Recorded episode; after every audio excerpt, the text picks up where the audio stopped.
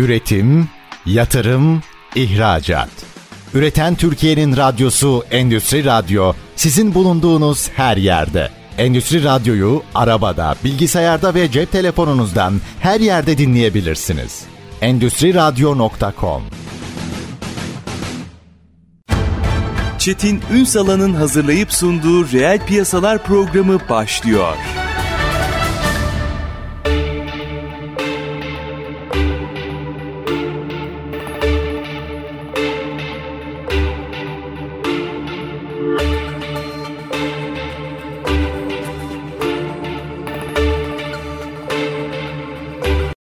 Reel piyasalardan merhabalar. Türkiye'nin gerçek gündeminde birlikteyiz. Efendim bugün aslında en önemli potansiyel olarak en önemli pazarlarımızdan birini mercek altına alacağız. Genellikle ülke ülke çok konuşuluyor. İşte Irak konuşuluyor, İran'a ne yapabiliriz konuşuluyor, Afrika'da neler yapabiliriz bunlar konuşuluyor. Biz de zaman zaman mercek altına alıyoruz ama aslında evet bugün iki üründen birini Avrupa Birliği ile alışveriş yaparken buradaki bu az sonra söyleyeceğim bölgedeki meseleyi ders çalışmamız gerekiyor. Uzunca bir süredir sıkıntıların olduğu bir bölgeydi. Bizim sıkıntılarımız vardı. Şimdi hafif hafif iklim düzelmeye başladı. Hem Körfez hem de MENA bölgesi genel anlamda da bunu kastediyorum. Burada yapılabilecekler var. Bölgeyi yakından tanıyan bir isim bizlerle birlikte bugün hem bölgenin hassasiyetlerini hem yapmamız gerekenleri hepsini konuşacağız. İş insanı, finans uzmanı Hakan Hanoğlu bugün reel piyasaların konu. Sayın Hanoğlu yayınımıza hoş geldiniz efendim. Merhaba, hoş bulduk. Merhabalar üstadım. Üstad e, şimdi biraz daha güncele geleceğim ama herkesin aşağı yukarı fikrinin olduğu bir sahadan bahsediyoruz ama çok az insanın bilgisi var. Hem Körfez hem Afrika yani genel anlamda aslında MENA bölgesi dediğimizde biz bu bölgeyi yeterince tanıyor muyuz? Hadi biraz bize burayı anlatın ne olur. İsterseniz daha büyük bir resimden başlayayım. Lütfen. E, çünkü e, biliyorsunuz bir 2020'de bir pandemi süreci geçirdik. Hatta 2021'de hatta şu anda devam eden bir süreç var. Bunu geçirdik. Arkasından bir Rusya-Ukrayna savaşı vardı. Bütün bunlar müteahhitlik sektörünü gerçekten etkiledi. Hatta uzun yıllar dünya ikinciliğini alıyordu bizim müteahhitlerimiz. En çok müteahhitlik işlemi yapan dünyada müteahhit sayımız 42'lerde 45'lere kadar çıkmıştı bir zamanlar. Ama geçen sene ve ondan önceki sene üçüncülüğe düştük. Amerika tekrar üstümüze çıkmıştı. Çin zaten sürekli birinci sırada. Geçen sene 2021 sonu itibariyle tekrar ikinciliği geri aldık ama şu anda bu sene gerçekten çok ciddi bir düşüş var. Hem projelerde hem proje montanında hem de dünyanın her tarafında. O yüzden önce bir büyük resimden başlayarak sonra Orta Doğu'ya ve MENA'ya dönelim diye Çok sevinirim. bir şey düşünüyorum. Vaktimiz umarım yeter. Çünkü Covid-19 salgını tüm dünyada önemli oldu. Örneğin Amerika'da herhalde 15 yıllık enflasyon ve faiz rekorları kırılıyor. Doğru. Avrupa yine aynı şekilde. Dünyanın artık Dünya Bankası açıkladı, OECD açıkladı. Artık bir resesyona gireceğimiz kesin gibi. Yani bir durgunluk sürecine gireceğimiz kesin gibi ve bu 2008 krizini hatırlayanlar ve yaşayanlar için korkutucu. 15 yıl önce belki dinleyicilerimizin bir bölümü piyasalarda bu kadar yoktu ama siz çok iyi bilirsiniz o mortgage krizinin, krizinin tetiklediği bir dünya önce Avrupa'da Amerika'da başlayan sonra Avrupa ve dünyaya yayılan bir kriz yaşadık. Büyük bir kriz yaşadık. Hatta Türkiye'nin bugün içinde olduğu problemlerin de o yıllarda başladığı söylenir. 2008-2009'dan sonra o zamana kadar iyi geliyordu hükümet ve ekonomi.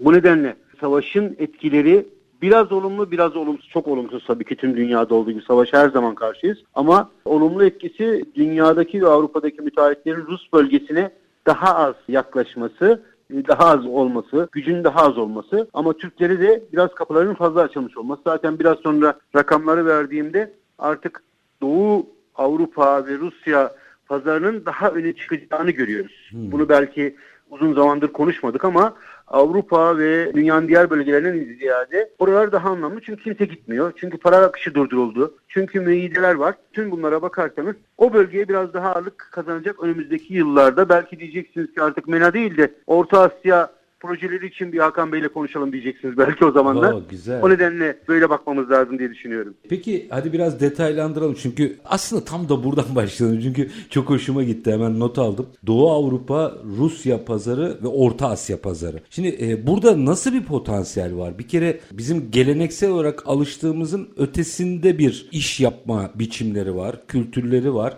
Doğu Avrupa aynı zamanda birçok sektörde yani sadece müteahhitlik değil ama birçok sektörde rakibimiz durum durumunda üretici olarak. Şimdi bütün bu dengeleri nasıl kurgulamamız lazım iş yapmak için? İsterseniz az önce söylediğim rakamları söyleyeyim sonra Lütfen. başlayalım. Yani bu yıllardaki değişikliği konu muhakkak başka yerlere de gidecek de ondan dolayı söyleyeyim. Mesela 2020'lere kadar MENA bölgesi, Arap Yarımadası, Afrika, MENA dediğimiz Middle East and North Afrika'dır. Yani Orta Doğu ve Kuzey Afrika dediğimiz bölgedir. Orta Doğu'ya Türkiye zaten sınır diye düşünürler her zaman. Orta Doğu'nun batı sınırı diye düşünürler. Ona göre doğuya kadar gidiniz. Orta Asya Cumhuriyetlerine kadar gidip İran'ı için alanlar var. Onun gibi söyleyeyim. 2019'a kadar e, hiçbir zaman listede birinci sıralarda olmayan Rusya Federasyonu 20 ve 21'de birinci sıradaydı bizim aldığımız projeler açısından. 2020'de 4,5 milyar, 2021'de 11 milyar dolara kadar çıktı.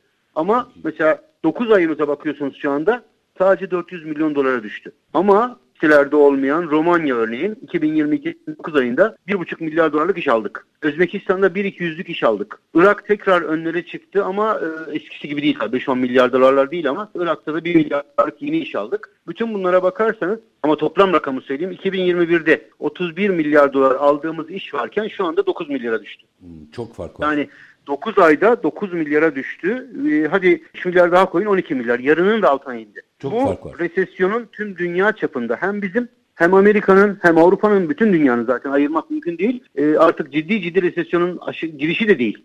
Artık ortaya yaklaşıyoruz yavaş yavaş. Bu nedenle 2023'ün çok soğuk yani e, parasal açıdan, ekonomi açıdan çok soğuk bir şey yaratacağını, durgunluk yaratacağını düşünüyordum. Arap ülkelerinde ve Doğu Avrupa ve Doğu Rusya veya Güney Rusya gibi bölgelerde Özbekistan'da, Kazakistan'da, Azerbaycan'daki işler açısından konuşacağım. Araplardan farkı. Araplarda para çoktu.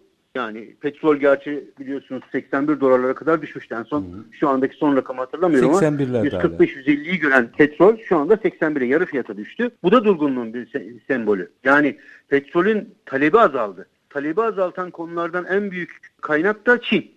Yani Çin en büyük ucuz eşya üreticisi, satıcısı, tüm dünyanın imalatçısı dersiniz ama bunları yapabilmek için enerjiye ve petrole ihtiyacı var. Ama petrolün bu fiyatlara düştüğünü görüyorsanız bu talebin de azaldığını gösterir. Gerçekten dünyanın en büyük tedarikçisi Çin talebi yarıya indirdi. Enerjide, metalde, iş gücünde her şeyde. Talep yarıya inmişse bu demektir ki zaten Çin üretimi de duracak. Yani resesyon üretimde durgunluk, ekonomide durgunluk anlamına geldiği için söylüyorum. Arap ülkelerinde evet petrol vardı. Petrolü satıyorlardı, paralarını da kazanıyorlardı. Ama Arap ülkelerinde iş yapmanın en büyük sıkıntısı belki de rahatlığı bazıları açısından kişisel bazda gidiyor. Yani valinin karşısına oturuyorsunuz. Herhangi bir Arap ülkesine diyeyim ismini vermeyeyim artık. Oturuyorsunuz. Pazarlığınızı yapıyorsunuz. va- Valiyle yapıyorsunuz. Sonra gidin diyor işte işlemleri tamamlayın iş yapın. Olay böyleydi. Herhangi bir Arap ülkesinde bunu rahatlıkla bazen şeyhle yaparsınız, bazen emirle yaparsınız, bazen valiyle, bazen başbakanla ya da bakanla. İstediği kadar demokrasiyiz biz, şöyleyiz, böyleyiz desinler. İşler emirin ya da başkanın ya da diktatörün adını ne koyarsanız Kişiler talimatıyla alınan verilen işler. Ama Orta Asya Cumhuriyetleri ya da Türkik Cumhuriyetler dediğimiz CIS ülkeleri birazcık Rusya kültürünü hala kaybetmediler. Uzun yıllar 89-90'dan beri ayrıldılar Rusya'dan. Ee, henüz o kültürü kaybetmedikleri için biraz kurumsal kültür ve birazcık korku esas. Ama yine maalesef kişisel ilişkiler. Yani Şangay İşbirliği Örgütü'nü bilirsiniz. Şu anda artık dünyanın parlayan yıldızı olmaya doğru gidiyor. İran da zannediyorum artık resmen katıldı geçtiğimiz ay. Dolayısıyla İran, Rusya, Çin ve o bölge ülkeleri one man show'la gidiyorlar. Putin'den başlayan Özbekistan'ın, Kazakistan'ın, Azerbaycan'ın, Tacikistan'ın, Kırgızistan'ın o bölgeden bahsediyorum. One man show ve etkili olan yine insanlar. Dolayısıyla bizim bizler için fazla uzak bir kültür değil. Zaten kendi ülkemizde de maalesef aynı şeyleri yaşadığımız için o şekilde çözülecek işler. Ama altyapı yok. Yani Rusya'dan kalan, 2. Dünya Savaşı'ndan kalan altyapıyı kullanıyor birçok ülke. Altyapı müteahhitleri çok büyük pazar kazanacaklar orada. Üst yapıda Arapların aradığı o Dubai'deki şekilli, estetik, farklı binalar yerine Orta Asya kültüründen gelen düz bloklar vardı. Onların değişimi söz konusu artık. Üst yapıdan bahsediyorum. Havaalanlarının çoğunu zaten yaptık, yapıyoruz, devam ediyoruz. Onun gibi metro işleri çok artacak orada. Metro ihtiyaçları artacak. O yüzden Türk müteahhitlerinin buralara birazcık hazırlanması gerektiğini düşünüyorum. Hazırlanması gerekir derken şimdi onun bir hazırlık süreci varsa nedir o? Yani ne yapmaları gerekiyor? Yani şunu söyleyeyim açık açık çok uzun yıllardır program yapıyoruz. 10 yılı geçti sizinle program yaptığımız. Önce projeyi yaratacaksınız gidip. Bakın o ülkenin ihtiyacının doğmasını, ihale açılmasını falan beklemeyeceksiniz. Gidip oradaki insanlara diyeceksiniz ki bakın metro yapmalısınız buraya. Hemen bir metro projesi yaratacaksınız kendi ekibinizde. Götürüp adamların masasına koyacaksınız. Onu şartnameye koyacaklar. Güya ihale açacaklar ama iş zaten sizindir. Öyle bir şey ki bütün Türk müteahhitler gitse yetmez. Biliyorsunuz biz onlar Arap ülkeleri için konuşuyorduk. Hı hı. Orada aynı şekilde bütün çok büyük bir bölge Arap Yarımadası'nın 10 katı kadar bölgeden bahsediyoruz. Mesela geçen bu 9 ayda Özbekistan'da bir Romanya'da bir Özbekistan'da biri 1 milyar 300 milyon biri 1 milyar 200 milyonluk 3 proje aldık. Türkiye olarak konuşuyorum. Kendi firmam olarak konuşmuyorum. Hı hı. Yani birinci ve ikinci sıradaki Romanya, Özbekistan geçen sene yoktu listede. Sonradan gelenler. 21'de yoktu. 2020'de yoktu. Yani şimdi Romanya biliyorsunuz 90 95'te 2010 arası biraz birazcık fazla çalıştı. Ben de oradaydım o sıralarda. Alışveriş merkezleri falan yapmıştım ama şimdi altyapıya döndüler. Orada önce AVM ihtiyacı hani Amerika'nın kapitalizmi Avrupa'ya, Doğu Avrupa'ya getirme e, talebinden dolayı Romanya'yı ben 2005'ten beri, 2006'dan beri yani çok az falan diyorum ama bu sene 1 milyar 300 milyon dolarlık iş alındı 9 ayda. Özbekistan gittik, projeleri yarattık. O projelere ihtiyaç olduğunu hissettirdik. Talimat geldi, iş başladı. Azerbaycan 28. sıraya geldi tekrar. Yoktu geçen sene listede. Mesela çok şaşırtıcı bir şey. Demokratik Kongo Cumhuriyeti 300 milyon dolarlık iş almış bir tane müteahhitimiz. O yine kendisinin gidip anlatması dolayısıyla e, bu tabii Afrika'da ama diğer taraflara baktığınız zaman yani Doğu Asya Cumhuriyetlerine baktığınız zaman önce yorulacağız. Türkiye'deki gibi o beşli büyük müteahhitlerin olduğu gibi ya iş açılsın bize verirler nasıl olsa değil. Önce projenin ihtiyaç olduğunu o ülke yöneticilerine, o ülke insanına, o ülke belediyesine anlatacağız. Sonra o projeyi kendimiz yapacağız. Götürüp göstereceğiz, ikna edeceğiz, finansmanını çıkarttıracağız. Ondan sonra iş alacağız. Yani anladığım kadarıyla bu. projeye ders bu. projeye ders çalışmak gerekiyor. Gidip bir ülkeyi konsantre olacaksınız ve burada ne proje yapılabilir diye proje üreteceksiniz ve sonra gidip ikna edeceksiniz. Metodolojiyi doğru mu anlamışım? Doğru. Aynen tüm tümüyle böyle. Çünkü biz bunu yaşadık. Yani mesela petrol ülkesi Basra'da şu anda 300 milyon dolarlık bir işimiz var. Altyapı projesi. 2 yıldır 2020 Ocağı'ndan beri yapıyoruz. Yani pandemi başladı da başladı. Ama orada o altyapının ihtiyaç olduğunu hani orada yaşayan insan yurt dışını görmemiş. Televizyondan evet aa ne güzel Amerika, Avrupa, Paris, Fransa diyor ama orada o altyapının, altyapı dediğimiz yer altından geçen elektrik, su, fiber optik her türlü yapı. Bunların mesela Arap ülkelerinde anlatmak da var daha kolaydı. Burada bir de parayı yaratmak için adamların sisteminde parayı yaratmak için bir şeyler de yaptıracaksınız. Yani işte şöyle yapın, böyle yapın, şunu şurada onlar da gidip bir yerlerden izin alacaklar tabii ki. Hı hı. Ama devlet yöneticilerini ve belediye yöneticilerini o projenin ihtiyacına önce halkı sonra onlara anlatacaksınız. Hatta bizden şey istiyorlar yani. Halkı ikna edecek tanıtım videoları, fotoğrafları. Bakın bunlar gelecek diye. Enteresan. Böyle şeyler hazırlamamız lazım. Şimdi minik bir araya gideceğim ama aranın ardından bu tip projelerde şimdi eğer projeyi hazırlayacaksınız, gideceksiniz, ikna edeceksiniz. Kaynağı varsa sorun yok. Yani Arap coğrafyasındaysanız nispeten daha rahat çıkar finansman. Dünyadan finansman bulunabiliyor mu? Bunun yanıtını aranın ardından alacağım. Çünkü o da önemli ayaklardan biri. Ülkelerin içinde finansman var mı? Bunu da merak ediyorum. Ama minik bir araya gidelim. Aranın ardından devam edelim. Efendim iş insanı finans uzmanı Hakan Anoğlu ile özellikle müteahhitlik sektöründe yurt dışında bu değişen dengelerde iş almanın yollarını ki hatta Sayın Hanaroğlu'nun ifadesiyle daralan pazarda iş alabilmenin yollarını konuşuyoruz. Kısa bir ara aranın ardından reel piyasalar devam edecek. Lütfen bizden ayrılmayın. Üretim, yatırım, ihracat.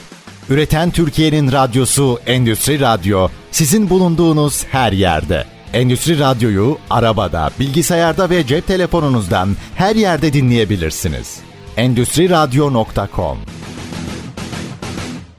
Kısa bir aranın ardından reel piyasalarda tekrar sizlerle birlikteyiz efendim. Konuğumuz iş insanı, finans uzmanı Hakan Hanoğlu. Özellikle müteahhitlik sektörü başta olmak üzere yeni pazarla veya açılan pazarlardaki o daralan hacimin içerisinden daha çok payı nasıl alabiliriz? Nasıl aslında yarına yatırım yapabiliriz? Sorusunun yanıtını arıyoruz. Şimdi Sayın Hanoğlu çok kıymetli bir şeyden bahsettiniz, bir formülden. Yani kimsenin doğrusunu yanlışını belirlemek bize düşmez. Ama vaka dediniz ki oradaki sistemlere baktığımızda gidip işte bir ihtiyaç var, bir de ihale açıyoruz. Böyle bir sistem yok. Projeyi yapacaksınız, gideceksiniz, ihtiyacı anlatacaksınız ve sonrasında süreci böyle yöneteceksiniz. Bence bu çok kıymetli bir bilgiydi. Şimdi belli başlı noktalarda, coğrafyalarda işler daha kolay. Nispeten daha kolay. Yani mesela Orta Doğu'da veya Körfez'de ikna ederseniz kaynak var. Bugünlerde imtina ediyorlar ama kaynak var. Ama mesela Doğu Avrupa'ya doğru gittiğinizde bu işin finansman ayağını da düşünmek zorundayız sanki. Bu projelere, bu tip projelere uluslararası finans piyasasından kaynak bulunabiliyor mu? Ya da içeriden kaynak temin edilebiliyor mu? İşin bu boyutunu da almak isterim sizden. Buyurun efendim. Şunu söyleyeyim Rusya'ya uygulanan MGD'yi hepimiz biliyoruz. Bizi de etkileyen bir e, proje. Olumlu ya da olumsuz. Olumlu diyeyim örneğin petrol fiyatlarında örneğin şu anda dünyada 81 iken bizim TÜPRAŞ'ın alım fiyatını bunun %30 altında olduğunu düşünün. Hı hı. Rusya bu şekilde bir şeyler sağlıyor. Dolayısıyla biz petrol konusunda o kadar olumsuz etkilenmememiz lazım ama biz dünya fiyatlarına göre arabamızın petrolünü dolduruyoruz biliyorsunuz. Hı hı. O da başka bir konu. O da başka. Rusya dışındaki ülkelerin tamamında Avrupa ve Dünya Bankası kaynakları açık. Oralarda onlar zaten hatta doldurulamıyor bile. Bakın Ukrayna için örneğin şu anda savaş sonrası için Lviv'de biliyorsunuz Ağustos'ta bir anlaşma imzalandı Türkiye ile. Savaş sonrasına biz girelim diye. Çok güzel bir anlaşmaydı ki ben bu dönemde hükümeti her zaman eleştiren bir insan olarak dış politikadaki Rusya, Amerika, Ukrayna ve Avrupa arasındaki dengeyi kurma açısından hükümeti takdir ediyorum. E, diplomatlar tekrar iş başına geçti diyorum uzunca bir aradan sonra. E, çok dengeli ve savaş büyük savaş öncesi, İkinci Dünya Savaşı öncesi e, çok ettiğim bir şey. Şu anda Ukrayna ile savaş sonrası için bir şey anlaşma imzaladık. İnşallah Hı-hı. yakın zamanda biter. İnşallah herkes kurtulur bu savaştan. Ama Rusya'nın da yine o bölgelerinde yeni hükümranlık altına aldığı bölgelerde çok büyük bir ihtiyaç var. Buralara Avrupa ve dünya kaynakları full akacak. Zaten sıkıntı yok ama Orta Asya Cumhuriyetlerinde özellikle Dünya Bankası'nın fonladığı bazı projelerde inanılmaz güzel imkanlar var ve bu kaynaklar, bu fonlar kullanılamıyor bile. Yani bir yandan da müteahhitlik firmaları gidip o fonların ne kadarının hangi ülkeye ayrıldığını öğrenirlerse her sene açıklanıyor. Onu da doldurtmakta yardımcı olabiliyoruz. Yani ben hem hükümeti ve halkı ikna edeceğim, projeyi yaratacağım hem de gidip bir taraftan finansman açık mı var mı? Orada finansman yaratmak bile çok mümkün. Yani o ülke maliyecileriyle, o ülke bürokratlarıyla, o ülke e, belediyeleriyle o kadar yakın çalışmak zorundasınız ki ama tabii ki bu da bir maliyet. Hı hı. Buna PR ya da e, iş geliştirme, business development anlamında, project development anlamında insanların gidip o ülkede artık oturup çalışmaları lazım. Ben biliyorsunuz Irak'ta 15 yıl Türkiye'ye herhalde en fazla toplamda 2 yıl gelmişimdir. Doğru. Bütün günlerimi toplarsam. Ama orada bulunmazsanız bunu yapamazsınız. Yerinde olacaksınız yani. Kesinlikle uzaktan olacak bir şey değil. Oraya gideceksiniz, o insanları ikna edeceksiniz. Aynı zamanda Dünya Bankası ve Avrupa Bankası'nın fonlarını araştıracaksınız. O fonlardan açık olan imkanları ve sektörleri bulacaksınız onları yaptıracaksınız. Yani artık armut diş ağzıma düş bölümü geçmiştir. Her ülke aynen Amerikalıların yaptığı gibi büyük Avrupa devletlerinin yaptığı gibi bu konuya özellikle devletin de e, destek vermesi lazım ki bizim devletimiz de zannediyorum teşviklere bakarsanız yabancı ülkelerde büro açmak, orada doğru, eleman doğru. çalıştırmak, gidiş gidiş uçak biletlerine kadar çok Ciddi teşvik var. var orada. Biz kendi teşviklerimizi bile bilmiyoruz. Ama şimdi şu verdiğiniz bilgi çok kıymetli. Yani faizler, enflasyon, paranın kısıtlı olduğu, güvenli limanlara döndüğünü hepimiz biliyoruz şimdi. İktisadi olarak açmayalım onları. Buna rağmen o fonlarda kullanılamayan kaynaklar var hala diyorsunuz. Çok. Hepsi kalıyor. Bakın Türkiye'ye ayırdıkları bile var. Yani diyorum ki adam Türkiye 10 milyar dolarlık yatırım ve bu tür şeyler proje ayırmış biz bunu kullanamıyoruz. Devretmiyor da yani ertesi sene sıfırlanıyor. Kullanı kullanma.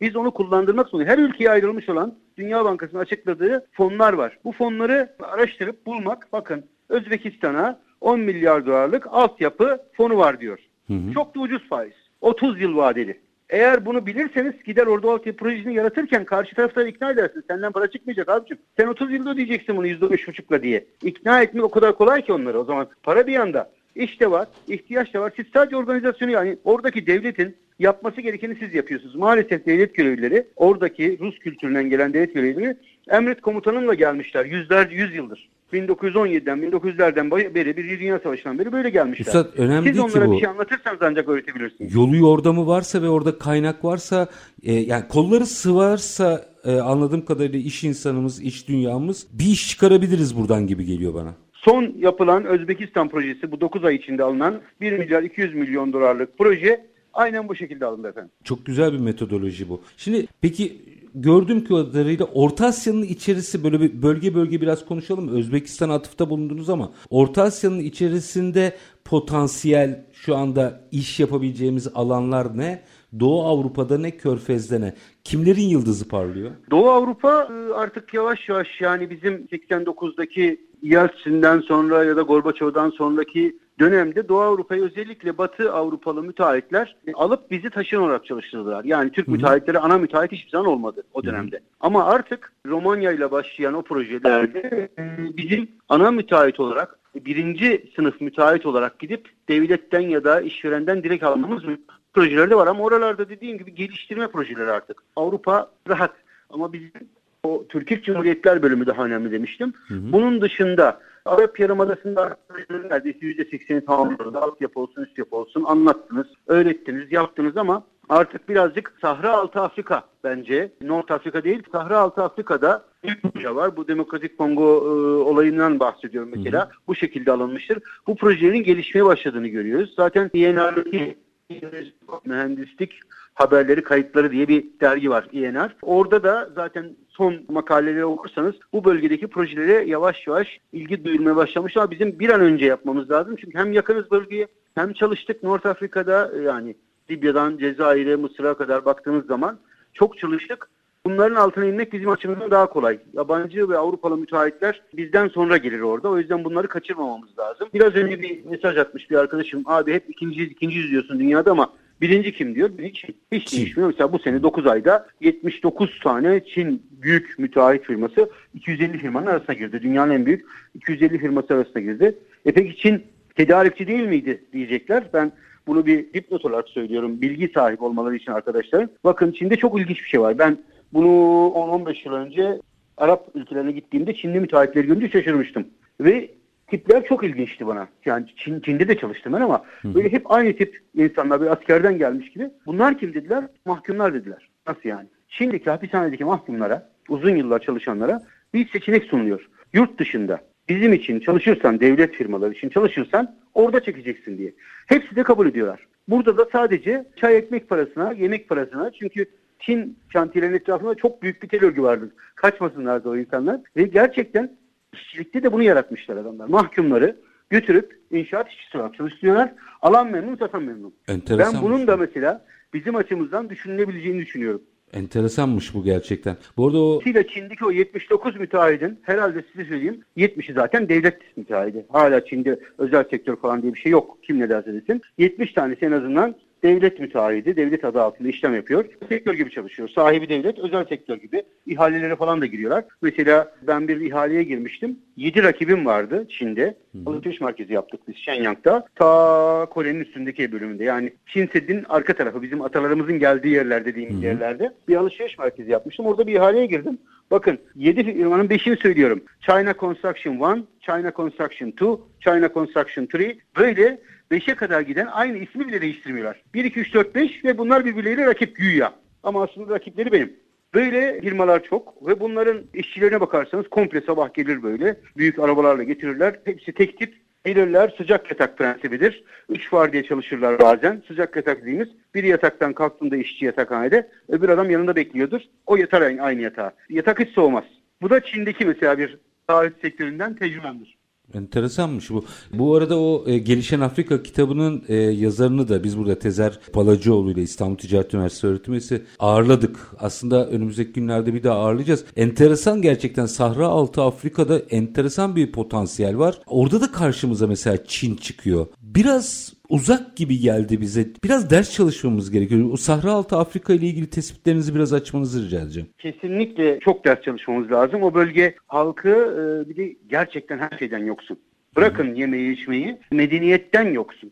Yani medeniyette gördüğü, havada gördüğü uçağın arkada bıraktığı iş sadece o. Yani yemin ederim e, ben beyaz insan göremiyordum. Özellikle o Kara Afrika bölgesinde beyaz insan göremiyordum. Onlar bile hala ne kadar dünya gelişmiş olursa olsun e, hani Afrika Avrupalıların işgali altında falan diyorlar ya yok Av, Avrupalılarla gitmişler deniz kenarı ya da gelişmiş şehirlerde kalmışlar. Yani o içeriye girmiyorlar. Afrika'nın o kara Afrika'ya girmiyorlar. Orada önce kendimizi bir göstermemiz lazım. Bu Pensilvanya kaynaklı bazı Oralara girmeyin hiç girmeyin ne olur üstad. Girişimler yaptıklarını çok iyi biliyorum. Ama artık onları çıkartıp Türkleri çünkü onlar görüşmüşler sadece. Onlar tanınmışlar. Ben mesela Gana'ya gittiğimde iki sene önce Akra'daydım. Dediler ki ya işte bir isim verdiler. Şu ismi tanıyor musun? Hayatta görmedim dedim. Olur mu dediler ya. Cumhurbaşkanının, Gana Cumhurbaşkanının kapısını çalmadan girebilecek adamlardan biridir. Allah Allah. Neyse Türk kendisi. Tanıştırdılar beni. Adam işte nerelisin şuralıyız buralıyız. Konuştuk adam 70-80 yaşına gelmiş ve çok ilginçtir. Sadece Akra'nın havası yarıyormuş ona. Böyle nemliye yakın bir sıcaktır orası. Sağlık yüzünden gitmiş ama şu anda oranın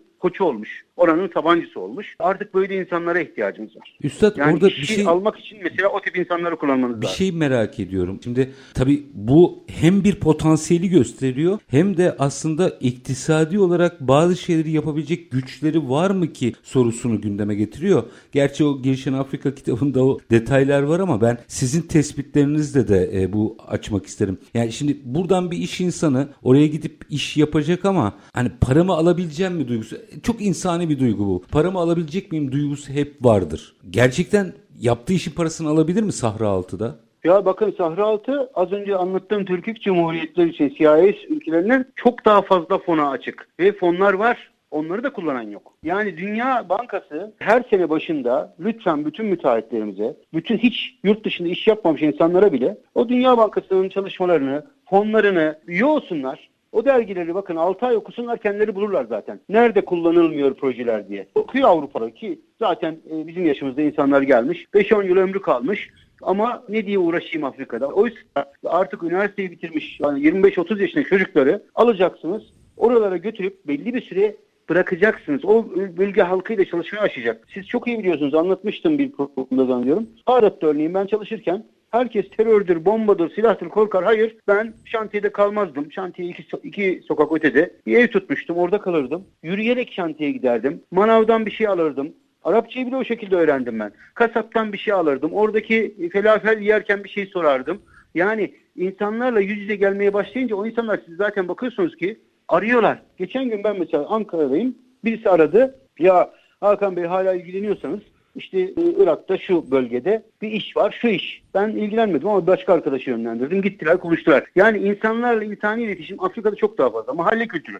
Hmm, Siz yani tanıdıkça size iş verirler. Bu e, insanın yaşayan insanlardan öte bürokratlar için de aynı şey. yani bize Hiçbir çok şey yakınlar. gidip O- içerilerine içseniz, bu kültür Pardon? olarak bize yakınlar o zaman. Yani aslında insani ilişkilerinizi Kültür bize yakın. geliştirirseniz Kültür hiç uzak değil ve bizi çok seviyorlar. Açık söyleyeyim. Bütün Avrupa'ya nazaran bizi çok severler. Dolayısıyla o ülkelerde gidip yaşayacak insan bulacaksınız. O ülkede bir mekanizma kuracaksınız. Organizasyon yapacaksınız ve bunu da devletimiz destekliyor. Yani yaptığınız harcamaların tamamını gider yazabiliyorsunuz. Türkiye'de o harcamaları vergiden düşebiliyorsunuz. Müthiş. Şimdi Üstad kısa bir araya gideceğim tekrar. Aranın ardından e, biraz daha merak ettiklerim var. Belki hani önümüzdeki sürece ilişkin de öngörülerinizi almak isterim. Ama minik bir araya gidelim. Aranın ardından iş insanı finans uzmanı Hakan Hanoğlu'yla müteahhitlik sektörü başta olmak üzere gelişen pazarlardaki e, durumu konuşuyoruz. Kısa bir ara lütfen bizden ayrılmayın. Üretim, yatırım, ihracat.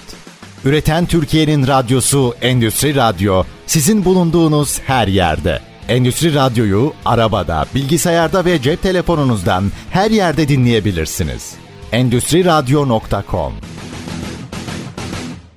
Kısa bir aranın ardından reel piyasalarda tekrar sizlerle birlikteyiz. Konuğumuz iş insanı, finans uzmanı Hakan Hanoğlu. Şimdi Sayın Hanoğlu, bir kere bütün bu süreçlerde e, cümlelerinizde anladığım kadarıyla bir pandemi vurgunuz var. Sanıyorum bir şeyler değişti. Pandemiden sonra dengeler değişti. Tabii ondan sonra bir sürü jeopolitik gelişme de oldu. Fakat bütün bu fotoğraf içerisinde yine detaylandırmanızı rica edeceğim noktalar olacak ama atlamamız gereken bir yer var sanki. Siz de bu konuyu zamanında çok konuşmuştuk. İran.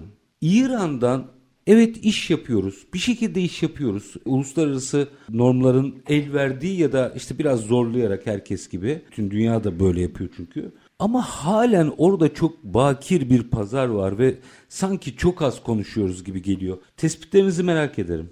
Evet, İran özel bir ülke. Gerçekten özel bir ülke. Bu sevmek ya da sevmemek için konuşmuyorum ona. Araplardan uzak, zaten. bizlerden uzak. Hem Araplarla hem bizlerle her zaman savaşmış. Yüzyıllardır bir ülke. Hı hı. Çünkü bir Pers İmparatorluğu dediğimiz bir süreç var. Osmanlılar vardı, Pers vardı. E, Ruslar zaten 200 yıldır girdi devreye. Bir de Avusturya Macaristan dediğimiz Avrupa'daki dört büyük imparatorluktan bahsediyor. Pers bunlardan biriydi. Yavuz Sultan Selim bile her tarafı yakıp yıkan Yavuz Sultan Selim bile en sonunda gidip orada bir yerde durmuştur. Hı hı. Yani İran farklı bir imparatorluk, farklı bir kültür. Fars kültürü de yani İran'daki Kuzey İran dediğimiz Türk asıllı ya da Türklere yakın olan Azeri asıllı Güney Azerbaycan dedikleri bazı arkadaşlarım bölgede. E, evet insanlarımız çok gittiğiniz zaman konuştuğunuz zaman anlayabiliyorsunuz, anlaşabiliyorsunuz. Ama bir korku vardır ki İran o Türklerin, Kuzey İran'daki Türklerin Türk kültürüyle yakınlaşmasına istemiyorlar. Onun için mi yani, yapamıyoruz? E, zamanla belki bizim nasıl Güneydoğu Anadolu Kürtleriyle Kuzey Irak veya Suriye Kürtleri arasındaki o iletişimden şeyde ekonomide konsantre kalalım. Çünkü herkes bunun yanıtını bekliyor. Orada hassasiyetler bunu bir şey söylüyorum. Hayır hayır hassasiyetler İran, önemli diyorsunuz İran, orada. Haklısınız. Ee, İran'ın %35'i o Azerbaycan kültürlü olan yerler. İran bizim o bölgede fazla etkin olmamızı istemez. Bundan dolayı diyorum. Yani hmm. bağlantı kurarak söyledim. Peki ne yapacağız? Ne yapacağız?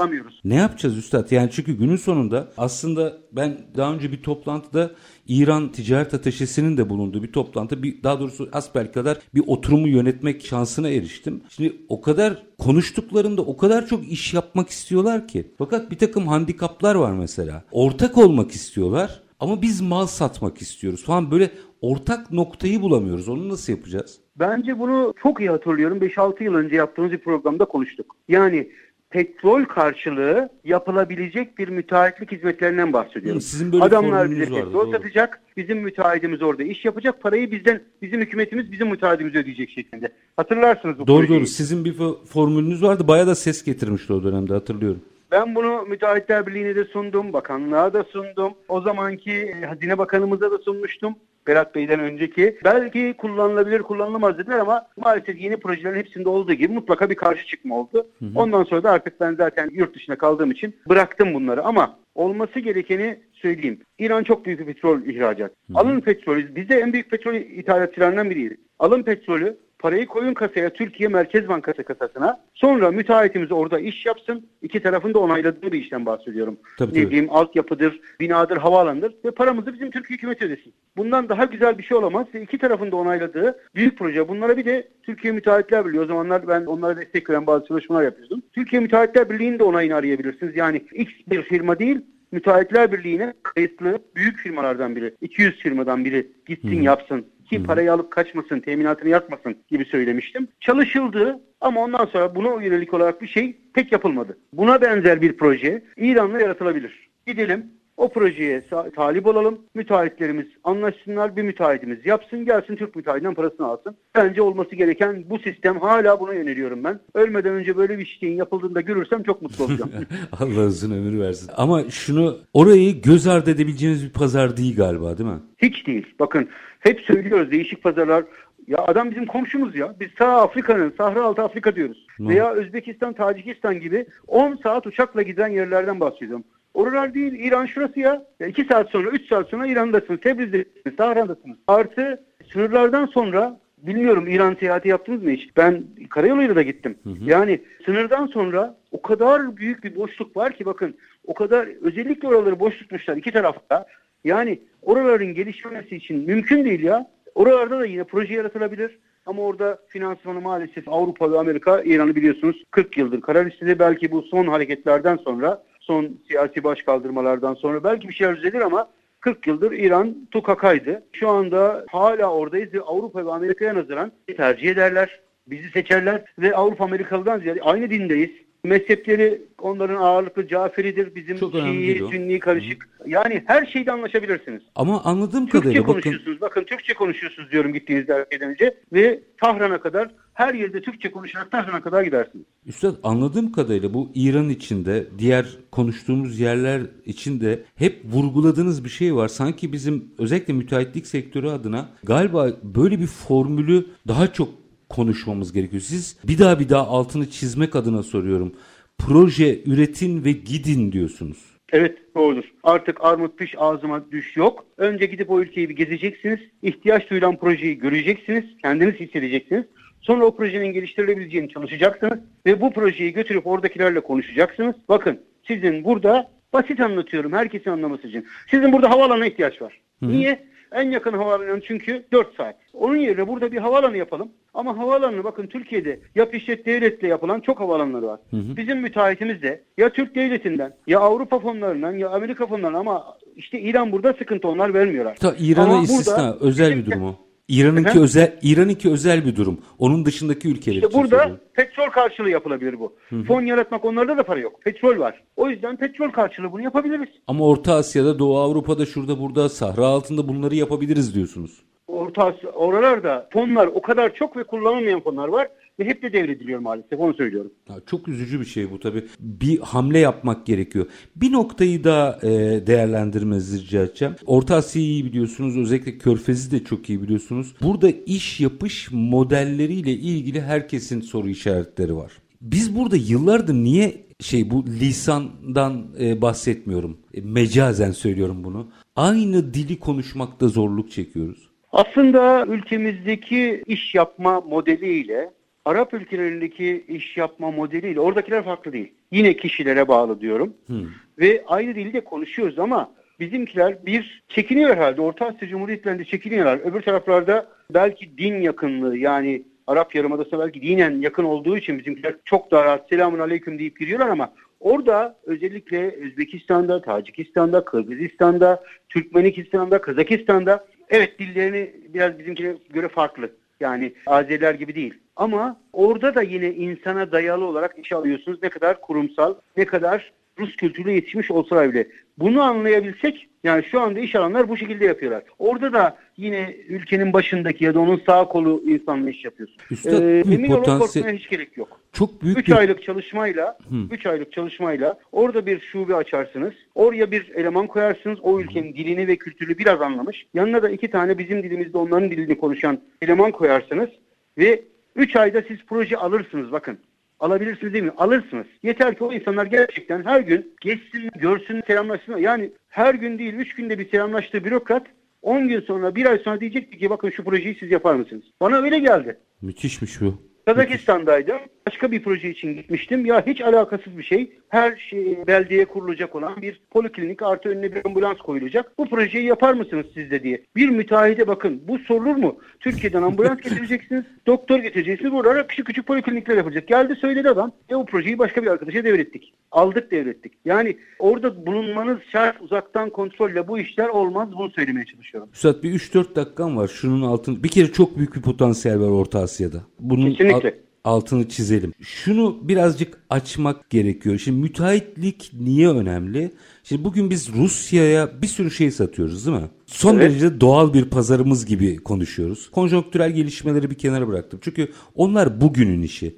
Ben yarındayım. Bugün temelini atarsak yarını kurtaracağız çünkü. Şöyle bir hikaye var. Biz ilk Rusya'ya neyle girdik? Müteahhitlikle. Oradaki kredibilitemiz bugün oraya gıda ürünü vesaire hatta onların turizme gelmesi birçok şeyi tetikledi. Şimdi biz Orta Asya'da o zaman yine lokomotifi, akıncıları öyle diyeyim Orta Asya coğrafyasında da özellikle müteahhitlerden yapmamız gerekiyor. Şimdi bununla ilgili bir farkındalığı nasıl yaratacağız o zaman? Valla müteahhitlerimiz hazır. Bakın Türkiye Müteahhitler Birliği bu konu üzerinde benim taahhüt sektöründe çalışmam 92'de başladım. O günden bugüne inşaat taahhüt işleri yapıyorum. Hı hı. O günden beri Müteahhitler Birliği'nin kuruluşu, gelişimi, bugün hükümete yön veren çalışmaları, yayınlarına falan bakarsanız Müteahhitler Birliği bunu istiyor. Ama Müteahhitler Birliği'ndeki 50, 100, 150 en fazla büyük müteahhitten bahsediyorum. Yurt Bunların inemeyeceği küçük projeler de var. Yani biz mesela rakam Türkiye'de büyük gelebilir ama değil o kadar. 10 milyon dolarlık bir proje için Türkiye Müteahhitler Birliği bir üyesi büyük müteahhit gitmez Özbekistan'a. Ama Oraya 10 milyon dolarlık proje için gidecek Türkiye'de 500 tane firma var. Gitmesi gereken. Yapabilecek ve para da kazanabilecek. Ama bizim o küçük bölüm yani küçük orta sınıf kobi tarzı müteahhitlerimizden bahsediyorum. Hı hı. Hem yabancı eksiklikleri hem dünya piyasaları eksiklikleri hem de biraz korktukları için gitmiyorlar. Oysa gitmeleri lazım. Öncelikle o orta sınıf müteahhitlere bakın yapacağınız tüm masraflar bizden. Devlet zaten söylemiş. Vergiden düşeceksin abi. Devlete sene sonunda 3 milyon lira vergi ödeyeceğim. Diyecek ki, diyor ki 1 milyon lira, 1,5 milyon lira sen bana verme. Onu git oralarda harca para kazan diyor. Kazanmasan bile harca diyor orada üren diyor. Devlet zaten bunu getiriyor. Müteahhitler Birliği ortak çalışıyor buna. Hı hı. Bizim orta sınıf müteahhitimizin artık kalkması silkinmesi lazım. Biz de yaparız gerek. Çıkıp gitmesi lazım oralara. Orada ya da bir büyük müteahhitin yanına gidip ben sizin yanınıza geleyim taşeronluk yapayım oraya öğreneyim demesi lazım. Ama bizim küçük müteahhitlerimiz ya bağlı oldukları müteahhitten vazgeçin o iş alsın ben de onun yanına gidip çalışayım diye rahatlıktan dolayı yapmıyorlar ama o rahatlığın bitmiş olması lazım Türkiye'de artık. Yani ee, münferit iş peşinde koşsunlar. Bir daha tekrarlayayım. E, sonuçta e, Münferit. şu bizim Türk müteahhitlerimizin cesur olması lazım, korkmaması lazım ve e, kendi elemanlarını da artık biraz yabancı dil bilen, oralara gidebilecek, Türkiye bağlantısı çok güçlü olmayan insanlardan seçerek oralardaki insanları gerekirse tutarak ama her ülkede bir tane adam bulundurarak e, yapabileceğine inanıyorum. Üstad çok teşekkür ediyorum. Yani birkaç şey için teşekkür ediyorum. Bence hiç kimsenin hiçbir yerde konuşmadığı detayları, bilgileri bizle paylaştınız. Bunun için bir teşekkür ediyorum. İkincisi bugün aslında stüdyomuzda olacaktınız. Özel bir durum oldu. Geçmiş olsun diyorum. Buna rağmen yayında bizi yalnız bırakmadınız. Teşekkür ediyorum. İş insanı finans uzmanı Hakan Anoğlu. Var olun efendim. Ben teşekkür ederim. İyi yayınlar diyorum. Teşekkürler. Çok teşekkür ediyorum. Efendim bugün ekonominin aslında bir tarafta ikliminin ülkeler bazında düzeldiği, bir tarafta da şartların zorlaştığı noktada böyle nokta atışı ne yapılması gerekiyor? İşte oranın potansiyel şu bu falan gibi değil. Nokta atışı ne yapılması gerekiyor çözümleriyle iş insanı, finans uzmanı Hakan Hanoğlu'yla konuştuk. Müteahhitlik sektöründen başladık ama müteahhitlik sektörü öncü lokomotif. Bir yere gittiği zaman bir bakıyorsunuz iki gün sonra oraya gıda firmamız da iş yapıyor. Ee, işte bambaşka şimdi sektör sektör saymayayım. Rusya en güzel örnek. Bugün Rusya'ya neredeyse iş yapmayan yok derecesinden gıdacısına ama ilk iş müteahhitlikle başladı. Bu açıdan nokta atışı bilgileri iş insanı finans uzmanı Hakan Hanoğlu'ndan aldık. Biz her zamanki gibi bitirelim. Şartlar ne olursa olsun paranızı ticarete, üretime yatırmaktan, işinizi layıkıyla yapmaktan ama en önemlisi vatandaş olup hakkınızı aramaktan vazgeçmeyin. Hoşçakalın efendim.